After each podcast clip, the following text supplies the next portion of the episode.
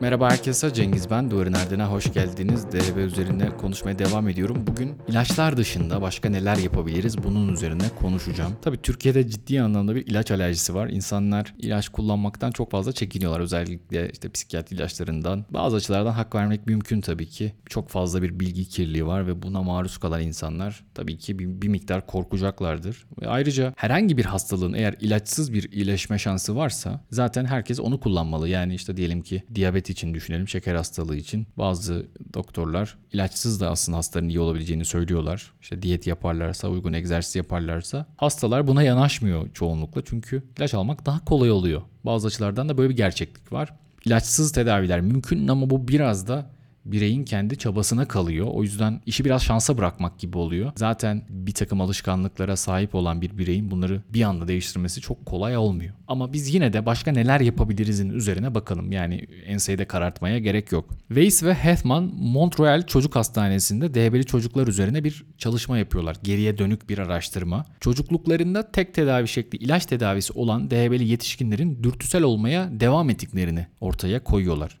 Ve hatta yaşlandıkça bu kişilerin dürtüsellikleri daha kaygı verici biçimler almış. İşte evlilik dışı fazla ilişkileri olmuş, bunlardan çocuk sahibi olmuşlar, daha fazla otomobil kazası geçirmişler, daha fazla iş değiştirmişler ve yıllar içinde çok fazla eve taşınmışlar. Aslında diğerlerinin dürtüsellikle alakalı olduğunu biliyordum ama bu yazarlar ev taşımayı da dürtüsellik olarak görmüşler. Valla ben de çok ev taşıdım ama ne yazık ki Türkiye'de doktor olmakla alakalı diye düşünüyorum bunu. Ben de bir evde yaşamayı çok istiyorum. Ama yani böyle kastettiğim bu değil tabii ki. Belki aynı şehirde, aynı bölgede çok fazla ev değiştirmek. Herhalde işte komşularla anlaşmazlık yaşamak, ev sahibiyle bir takım tatsızlıkların olması gibi şeyler olabilir. Ya da Türkiye'deki gibi hani kira problemi varsa, kiralar bir anda artıyorsa, bir anda davalar falan açılıyorsa bu dürtüsellik sayılmaz herhalde. Bizim ülkemizi bu tarz davranışları yorumlarken hep bir parantez için almak gerekiyor. O yüzden aslında kültürel fenomenleri bilmek önemli. Hani böyle bu tarz genellemelere varmadan önce. Neyse yani bu tarz davranışlar bir miktar belki dürtüselliği yansıtabilir. Ve klinisyenler, araştırmacılar DHB'li gençlere bu bozukluğun temel semptomları üzerinde ilaç tedavisi işe yarasa bile genellikle iyileşmeyen yönleri konusunda yardımcı olmanın yollarını arıyor. Daha önceki bölümlerde de bahsettiğim gibi yani bazı şeyler ilaçtan fayda görüyor, bazıları görmüyor ya da bazıları sınırlı fayda görüyor. Bunlardan bir tanesi de öz denetim geliştirmek. DHB'de bir öz denetimle ilgili problem olduğunu öne süren pek çok insan da var. 1970'lerin başında Dr. Donald Mehenbaum İnşallah doğru söyledim ama onun çalışmaları çok önemli bulunuyor, heyecan yaratıyor. Dürtüsel çocukları kendileriyle konuşmaları için eğitmek ve kendi kendine kontrol geliştirmeleri için bir yol başlıklı bir makale yayınlıyor bu çalışmada ve bunu izleyen şeylerde yaklaşık bu 50 yıl önceki bir çalışma. Öz denetimle ilgili bazı yöntemler kullanılıyor. Aslında tam da o zamanlarda bilişsel davranışçı terapi de böyle bir popüler olmaya başlıyor. Muhtemelen onun da etkisiyle beraber bu çocuklarda bilişsel davranışçı terapinin bazı teknikleri kullanılıyor. Öncelikle kişinin düşündüklerini ve hissettiklerini değiştirmeye odaklanıyorlar. Bu da daha sonra açıkça davranışlarda değişikliklere yol açar gibi bir hareketle bu yolculuk başlıyor. Bunlar genellikle hani bu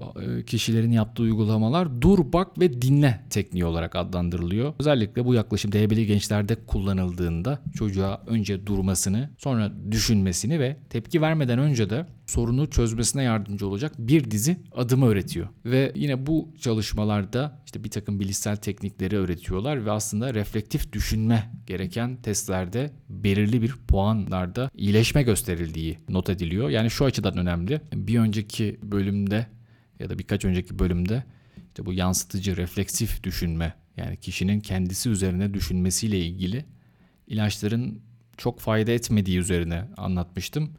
Bu teknikte burada bir öyle bir iyileşme olduğu söyleniyor bilişsel davranış tekniklerde ve aslında sonraki yıllarda da hani bu tarz çalışmalar yapılıyor. İşte çocuklara 2 saatlik bir eğitim veriliyor ve sonraki performansları inceleniyor ve görülüyor ki bu iyileşmeleri daha kalıcı yapıyor. E, aslında bu tekniğin ne kadar yerleştiğini şöyle görüyoruz. DHB'li çocuklara harekete geçmeden önce durup düşünmeleri gerektiği hep söyleniyor. Yani bu çalışmalardan böyle kalan bir miras bize ama bazı çalışmalarda da aslında bunun çok da böyle gerçek veya kalıcı bir etki göstermediği ortaya konuyor. Bilimde biraz böyle yani bir birisi bir şey söylüyor, faydalı bulunuyor. Sonra ötekiler deniyor. Çok da bir etkisi olmadığı gösteriliyor. Tabii insanlar bu bilimin bu çelişkili sonuçlarını hani bilim dışı olarak yorumluyor ama her şeyi aynı şekilde bulmamakta aslında. Yani bir şeyler yanlışlanabilirse aslında bu bilimsel oluyor zaten. Ama genel olarak işte yetişkinlere de çocuklara da işte durması, bakması ve dinlemesi öğretilen kendi kendine bir takım eğitim öğretim setleri uygulanıyor ve bu çocuklar aslında çeşitli araştırmalara konu oluyor ama henüz böyle genellenebilir bir sonuç olmadığı ortaya çıkıyor. Ancak hani bu bilişsel davranışçı müdahalelerin DB tedavisinde hiçbir değeri olmadığı anlamına gelmez. Yani öyle anlaşılsın istemiyorum. Yine işte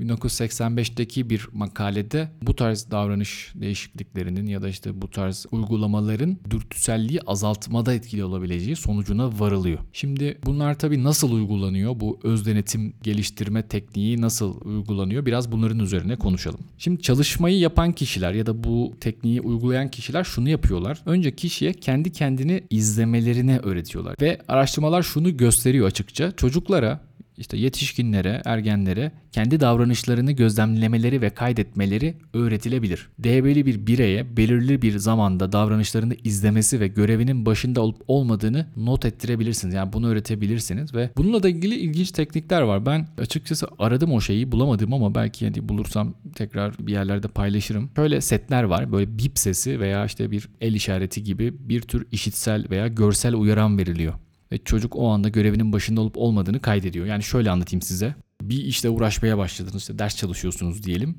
Böyle dağınık böyle çok da periyodik olmayan bir takım sesler var işte 15 dakika sonra bir beep sesi geliyor ve siz o anda şöyle yapıyorsunuz. Ha ben şu an dersimle mi ilgileniyorum yoksa aklımda başka bir şeyim var. Bunu not alıyorsunuz. 32 dakika sonra bir daha geliyor bu ses. Diyorsunuz ki ben dersimle mi ilgileniyorum ya da işte işimle mi ilgileniyorum başka bir şey mi düşünüyorum. O anda e, bakıyorsunuz bunu not alıyorsunuz ve bununla da ilgili aslında bir takım böyle şeyler var. Nasıl diyeyim çizelgeler var ve o çizelgeleri dolduruyorsunuz. Böylece o öz denetiminizin şeyini takip ediyorsun. Yani işte ben 10 kere bip sesi duydum. 4 tanesinde işimin başındaydım, altısında değildim. İşte bunu 7'ye çıkarmak hedefim. Yani 10'da 10 yapmak mesela çok kolay değil. Yani DB olmasanız bile kolay değil. Ama böyle işte bir hedef belirlemek ve bunun üzerine çalışmak için iyi olduğunu e, söylüyorlar. Ve özellikle bunun pekiştirmeyle birlikte kendi kendini izlemenin dikkati geliştirmede etkili olduğu gösterilmiş. Yani şunu diyebilirsiniz. Ben işte 10'da 4 yaptım. 10'da 6 yaparsam işte bugün kendime şöyle bir ödül vereceğim. Kendime şöyle bir ödül alacağım gibi.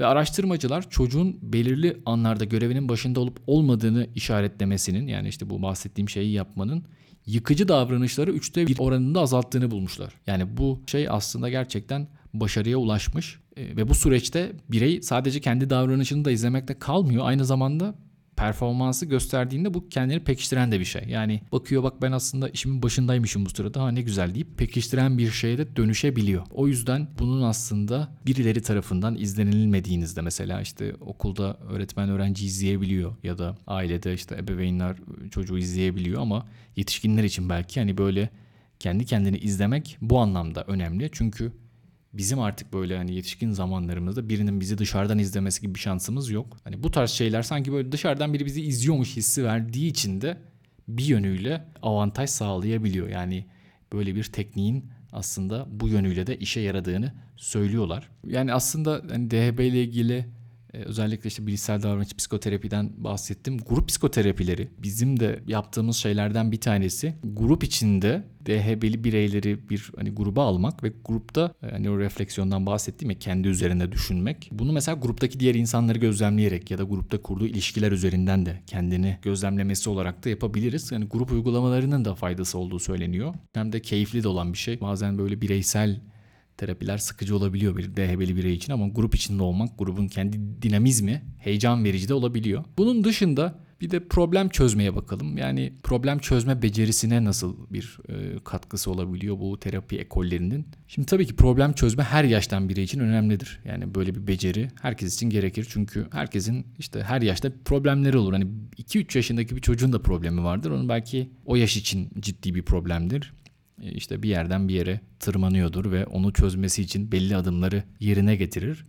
Yetişkinlikte biraz daha kompleks olabilir problemler ve bunun için de aslında bazı e, işte problem çözme becerilerini kazanmak gerekir. Bunun için e, en başta problemi tanımlamak gerekir. Yani duracaksınız ve kendinize şunu soracaksınız. Yani benim çözmem gereken sorun nedir? Örneğin hani diyelim ki bir makale yazacaksınız ve bu makaleyle ilgili okumanız gereken şeyler var. Ve kendinize diyeceksiniz ki ya ben işte okumam gereken şeyleri tamamlamak için tam olarak ne yapmalıyım? Hani çözmem gereken sorun neydi? Bir makale yazmak. Ve bu sefer diyeceksiniz ki ben bu makale yazmak için tam olarak ne yapmalıyım? Sonra şöyle bir şeye varabilirsiniz. 10 tane makale okumam lazım ve her makaleyle ilgili bir sayfalık bir özet çıkarmam. Sonra hani olası çözümleri listelemek önemli. Burası tabii ki ıraksak düşünmenin önemli olduğu bir zaman. Yani bu durumda sorunu çözmeye yönelik tüm olası listeleri yapacaksınız ve kendinize yine şunu soracaksınız. Yani bunu yapmamın, bu zorunluluğu yerine getirmemin tüm yolları nelerdir? Şimdi listede şöyle bir şey karşınıza çıkacak. Şimdi 10 tane makale okuyacağım ama bu 10 makaleyi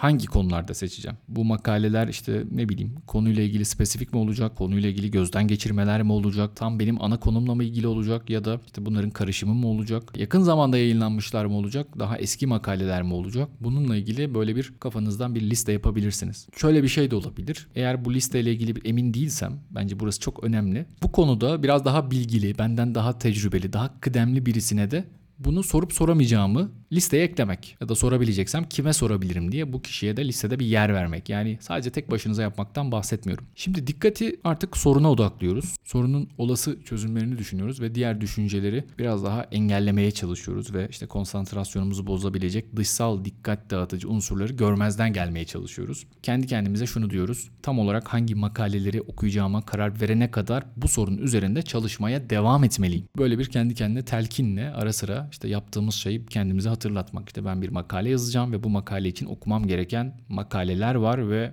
hangi makaleleri okuyacağıma karar verene kadar bu sorun üzerinde çalışmaya devam etmeliyim. Daha sonra e, artık hani e, bir çözüm seçmemiz lazım. Yani bir karara varmamız gerekiyor. Bu kez yakınsak düşünme zamanı. Yani şimdi bir genel resmi çizdik. İşte bir 10 makale olabilir, şunlar olabilir, bunlar olabilir dedik ve olasılıklar üzerinde düşündük ve şimdi artık bir sonuca varmamız gerekiyor. Konsantrasyonumu kaybetmeden önce bir tane yaklaşım seçmeliyim. Yani bu 10 makaleyi bir şekilde seçtim ve ben artık bunları okuyacağım. Şimdi çözümü deneme zamanı. Planı eyleme geçirmediğiniz sürece yaratıcı sorun çözme üzerine düşünmenin hiçbir değeri yoktur. Yani sürekli hani kafanızda bir şeyler düşünmek ya şunu mu yapsam bunu mu yapsam dedikten sonra bir şey yapmazsanız yani harekete geçmezseniz saatlerce bunu düşünüyor olmanın hiçbir değeri yoktur.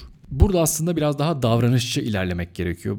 Davranışçılar da biraz böyle der. Yani siz işte diyelim ki terapidesiniz ve saatlerce problemler üzerine konuştunuz, konuştunuz, problemleri anladınız, işte neleri yapmanız gerektiğini kavradınız ama seanstan sonra bir adım atmazsanız bunun pek bir değeri yoktur. DHB'li birçok kişinin takıldığı şey de aslında budur. Yani o ilk adım atmak, bir başlangıç yapmak. Onlar için çözüm genellikle davranışın yönlendirilmesi gerektiği anlamına gelir ve hani belki şöyle yapabilirsiniz. Kendinize şunu hatırlatabilirsiniz. Şimdi önüme çıkan ilk makaleyi okuyacağım. Hani şunu mu okusam bunu mu okusam değil işte en yeni makaleyi okuyacağım ya da en eski makaleyi okuyacağım. Yani böyle bir kendinizle ilgili bir kural geliştirirseniz en azından başlamak için hani böyle bir şansınız olur. Ve bunu yaptınız eğer çözümünüz iyi bir çözümse ve kendinize şunu deyin ya evet ben güzel bir şey yaptım. Evet ben bir karmaşanın içindeydim, bir kaosun içindeydim ve güzel bir makale seçtim. Şimdi onu okuyorum.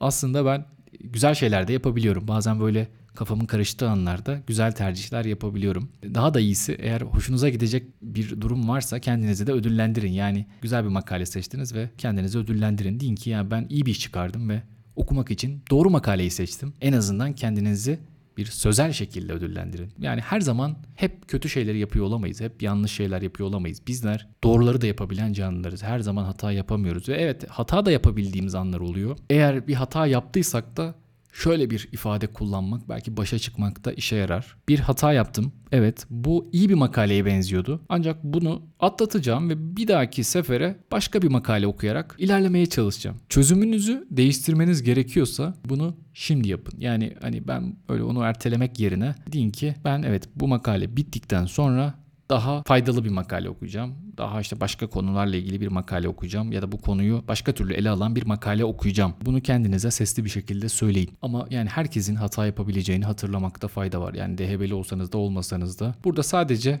hani hata yaptıktan sonra DHB'li bireyin dağılma ihtimali daha fazla. Yani burada biraz daha Buna dikkat etmek gerekiyor. Çünkü zaten burada işte bir kendini doğrulayan kehanet var. Hani bunu bazen söylüyorum işte. Başarısız oldum, yine beceremedim, yine işte doğru makaleyi seçemedim. E zaten hep böyle oluyor. Ben hep böyle yapıyorum. e, benden bir şey olmaz, bu da olmayacak, yine olmayacak gibi bir şey diye diye gerçekten iş böyle bir yere geliyor ve işte kendini doğrulayan kehanet dediğimiz şey bu. O yüzden hani şunu diyeyim yani evet bir hata yaptım ve benim yerimde olan pek çok insan bu tarz hatalar yapıyor. Ben de onlardan bir tanesini yaptım. Bir dahaki sefere daha dikkatli olacağım. Tam da hani bu sözün arkasından belki işte masadan kalkmak yerine hemen yeni değişiklik yaparak ilerlemeye çalışın derim. Bugün DHB ile ilgili işte ilaç dışında neler yapılabilir üzerine birkaç şeyi anlatmaya çalıştım. Bundan sonra tekrar bu konularda konuşmaya devam edeceğim. Umarım dinlerken keyif almışsınızdır, sıkılmamışsınızdır. Kendinize iyi bakın, hoşçakalın.